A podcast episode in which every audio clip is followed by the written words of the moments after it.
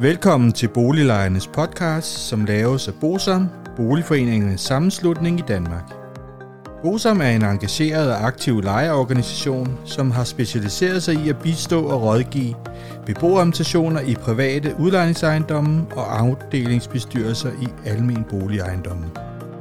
Formålet med Boliglejernes podcast er at informere lejerne om nogle af de problemstillinger, som vi ved, at mange lejere ofte spørger om samt at give mulighed for, at nogle aktuelle problemstillinger bliver belyst ud fra et lejerperspektiv. Boliglejernes podcast er lavet af lejere til lejere.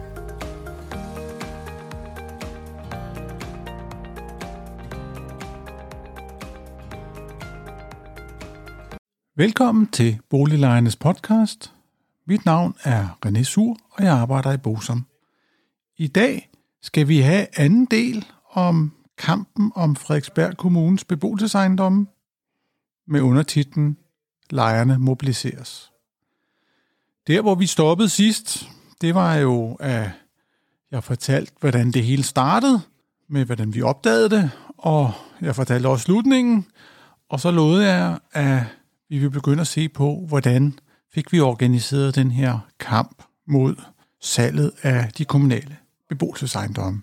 Som sagt, så fortalte jeg, at vi opdagede den her mødesag, hvor den var delt i to, hvor man havde en strategi for salget af de her beboelsesejendomme, og så havde man en proces for salg af beboelsesejendommene. Det vi gjorde, det var, at vi den dag vi opdagede det, så kontaktede vi som sagt beboerstationen i Finsens Have, fordi det var dem, der var medlem herinde, så dem havde vi kontakt til, og de havde ikke hørt noget, og så tog vi også kontakt til et medlem af kommunalbestyrelsen i Frederiksberg Kommune, for lige at høre, om det var noget, som den person kendte til. Det vi så aftalte, det var, at vi stillede nogle spørgsmål, som man kunne stille til møde, som så kunne få beslutningen til at blive udsat, så man skulle undersøge noget mere. Så havde vi jo det problem, at vi sådan set kun kendte adressen på den ene ejendom, men ikke på de andre 14 ejendomme. Så det skulle vi også have fat i. Om mandagen, den 5. februar, der var så magistratsmøde. Der indstillede direktionen jo i Frederiksberg Kommune til magistraten, at den her strategi for salg af beboelsesejendomme godkendes. Herunder at det nuværende antal boliger, hvor der anvises til årligt i de kommunale beboelsesejendomme, fastholdes ved salg af kommunens beboelsesejendomme, enten ved krav til køber om anvisningsret til 8,5 procent af de 12 boliger per år, eller ved at, ligesom at komme med krav om anvisningsret til andre boliger. Det som magistraten, og det er jo det, der er det vigtige her, det er, hvad var det, de så besluttede? Det var, at Magistraten besluttede at udsætte sagen efter deres drøftelser, og forvaltningen blev så anmodet om at fremlægge en tidsplan for belysning af gennemførelse af en markedsdialog med almene boligorganisationer og mulige private køber, samt belyse konsekvenserne for forskellige be- øh, beboergruppers økonomi. En fastholdelse af de kommunale ejendomme i kommunal regi herunder de vedligeholdelsesmæssige og økonomiske konsekvenser, og desuden afdække konsekvenser for den kommunale anvisning. Og det, der ligger i det, det er jo, at i den her mødesag, som vi kunne se, der kunne vi ikke rigtig se, at der var lavet nogen markedsdialog. Det vil sige, hvad var så nogle øh, ejendomme værd, hvis man skulle ud og sælge? Vil det have nogle konsekvenser, hvis man solgte til almene kontra private? Og hvad vil det betyde for de lejere, der boede i ejendommene? Hvad vil det betyde for deres huslejer? I skal tænke på, at på det her tidspunkt, så var der jo rigtig meget snak om Blackstone og alt muligt, som var begyndt på indtog så småt. Det var først senere på året, at Blackstone lagde tilbud på tre ejendomme Frederiksberg Boligfond. Så det kendte vi ikke noget til på det tidspunkt her. Så det var at sige, jamen hvis nu at de her ejendomme blev solgt til en, det kunne være en pensionskasse eller en anden investor, jamen hvad ville det betyde for huslejen? Det næste, vi gjorde, det var at spørge rundt om i vores netværk, er der nogen, der kender nogen, som engang har hørt om, nogen, der bor i nogle af de kommunale ejendomme. Og på den måde fik vi faktisk kontakt til nogen af ejendommene. Og der blev så afholdt et møde den 11. februar 2018, hvor beboere for fire af de 15 ejendomme deltog. Vi havde ikke nogen kontakt til de øvrige 11 ejendomme. Og det I også skal huske på her, det er, at det var kun i to af ejendommene, de to ejendomme, der deltog, hvor der var en beboermutation. Det er resten af de øvrige deltagere, der kan man så sige, det var enkeltbeboere uden noget netværk som sådan, som en beboermutation selvfølgelig giver. Og det vi besluttede, det var, at vi skulle indkalde til et nyt møde i løbet af marts måned, og der skulle hænges opslag op i alle 15 ejendomsopgange. Og det var selvfølgelig for at mobilisere de her lejere, og så simpelthen sige, kære lejere, jeres ejendom står over for et muligt salg. Kom og hør og hjælp os i kampen mod det her salg. Vi prøvede selvfølgelig også at høre, om der var nogle af de deltagere, som havde lyst til at være den, der stod for opslagene, og det, der var ikke lige nogen, der, der helt var hook på, på ideen, og, og så aftalte vi, at jamen, det, må vi, det må vi lige finde ud af, hvem det er. Men vi fik nogle mailadresser, og det, så er vi i hvert fald så langt. Der sker så det, at der bliver hængt opslag op i alle opgangene i de 15 ejendomme, og det vil sige, så har vi fået underrettet, vi har fået booket et stort mødelokale, hvor vi kunne være, og det, der jo er det svære ved sådan noget her, det er, at man ved jo aldrig, hvor mange der kommer. Og det, som vi også gjorde, det var, at vi inviterede nogle politikere. I det her tilfælde, der var det fra Enhedslisten, SF og Socialdemokratiet, til at deltage i de her store møder med lejerne, så de også selv kunne høre på, hvad lejerne havde at sige, og deres bekymringer for et eventuelt salg.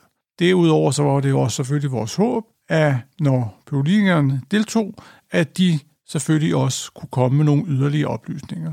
I skal huske, at på det her tidspunkt, så havde vi ikke super mange oplysninger. Og det, hvis man skal køre sådan en kamp her, så må vi nok sige, at jo flere oplysninger man har, jo nemmere kan man også komme til at øh, kæmpe, fordi at så får man et, et, et større overblik, og man kan også finde ud af, jamen, hvor er det, man skal sætte ind. Og når vi snakker om at sætte ind, så handler det selvfølgelig om at sige, hvad er det for nogle argumenter, som man skal bruge over for, i det her tilfælde, politikere. Med andre ord, jamen altså, hvad skal der til, før at man som politiker vil øh, stemme for, at man ikke skal sælge de her ejendomme. Det, I skal huske på, det er, at vi har en situation, hvor der altså er flertal i kommunalbestyrelsen for salg, fordi at vi kan jo se, hvem det er, der har besluttet det, og det var det, jeg kom med sidste gang, at det var konservative, det var Venstre, det var Liberal Alliance, og det var radikale, og det gjorde jo selvfølgelig, at, at vi kunne se, at der også i den nye kommunalbestyrelse var der et flertal for salg af de kommunale ejendomme.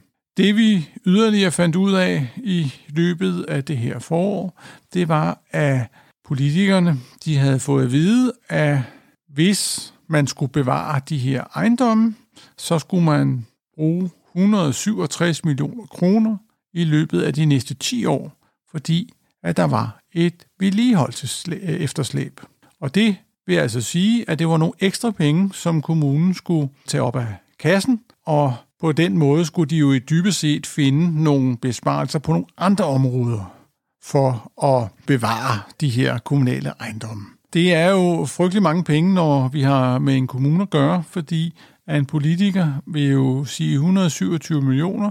Jamen, hvad er det for nogle skoler, vuggestuer, øh, andre institutioner, som skal nedlægges? Det, man kan godt finde måske en halv eller en hel million, men 167 millioner, det er så stort et beløb, at det kan være svært, uden at skulle lukke noget, som, som virkelig gør ondt. Og det var ligesom det, som vi, vi skulle arbejde ud fra og sige, er det det rigtige tal? Det vidste vi jo ikke på det tidspunkt. Det var jo sådan set bare et tal, som vi havde fået at vide, og udgangspunktet er jo, at, at vi må gå ud fra, at det er det rigtige tal. Det vi også gjorde, det var, at vi inviterede politikere til at komme ind her i Bosom for at tale med os, og der havde vi også nogle af lejerne med, for ligesom at sige, jamen kære politikere, må vi øh, høre din holdning eller jeres holdning til øh, salg af de her beboelsesejendomme. Og så havde vi selvfølgelig nogle modargumenter, og det var jo blandt andet sådan noget som betydning har det for beboernes økonomi, hvis huslejen sættes meget op, hvis der udlejes efter 5-2 eller lignende. Det kan jo være noget meget voldsomt noget, når de her ejendomme de er udlejet efter omkostningsbestemt leje, og det vil sige, at vi kunne se ind i en fordobling af huslejen eller mere.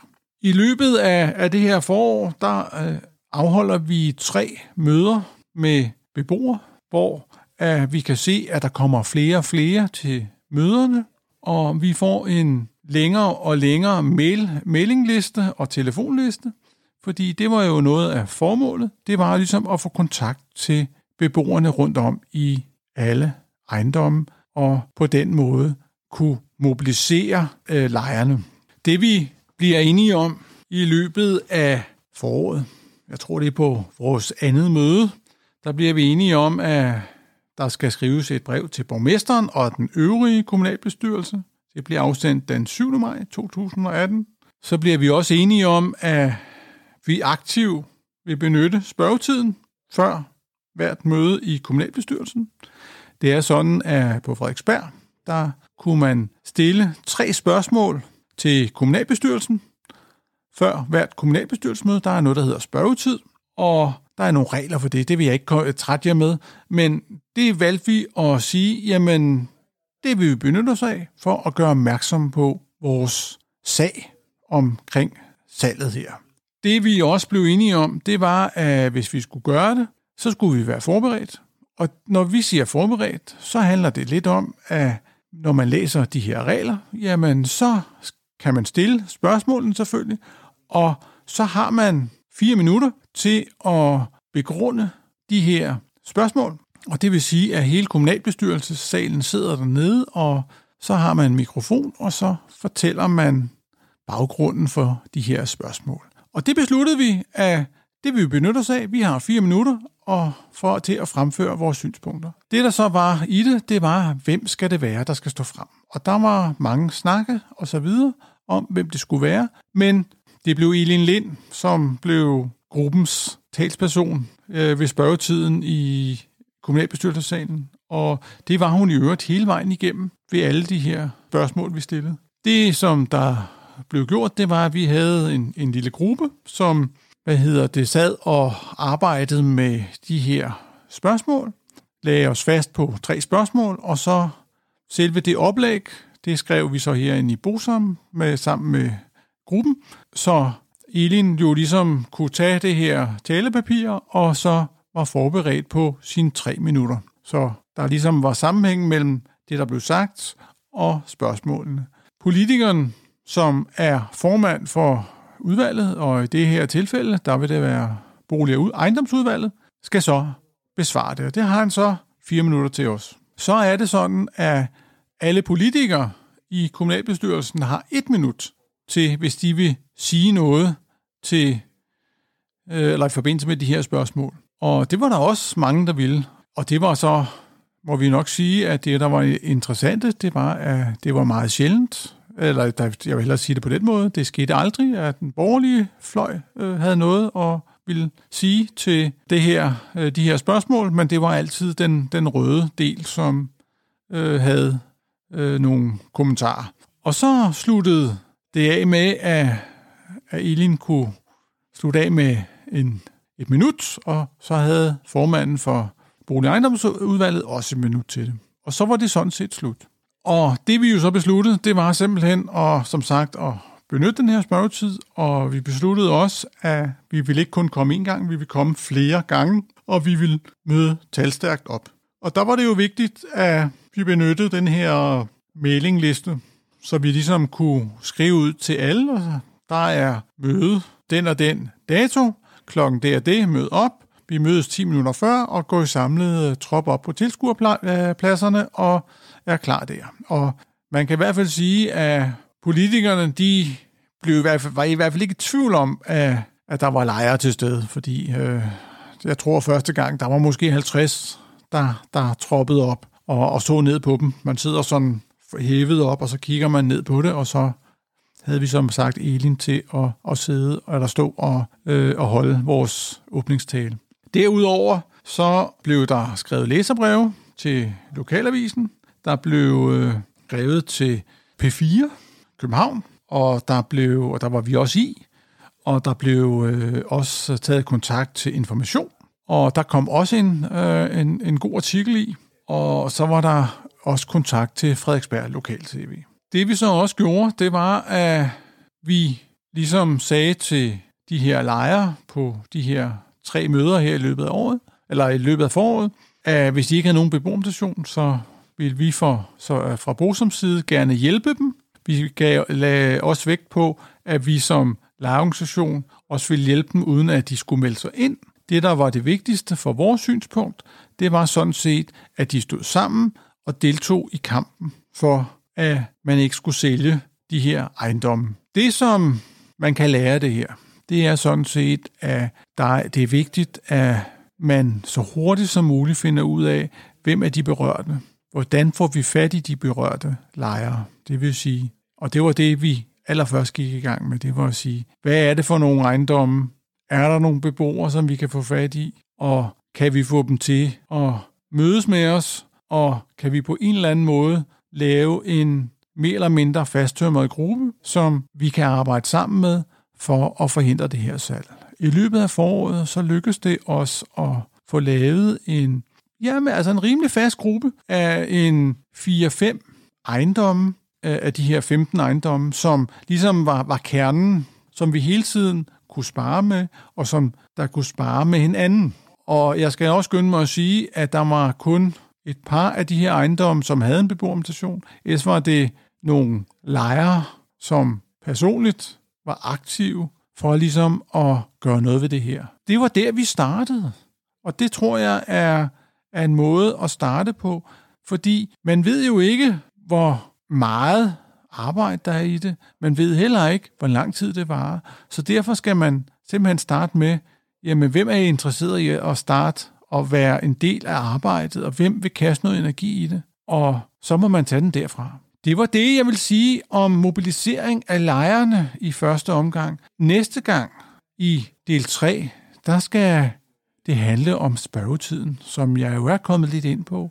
Men der vil jeg ligesom komme lidt ind på, hvad er det for nogle spørgsmål, vi stillede, og, og hvordan byggede vi det hele op. Det var det, jeg vil sige for denne gang.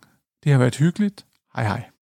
Hvis du synes om Boliglejernes podcast, vil vi blive rigtig glade, hvis du deler episoden med dine venner, og måske giver os en anmeldelse og nogle stjerner i iTunes, så vi derved kan komme ud til mange flere lyttere.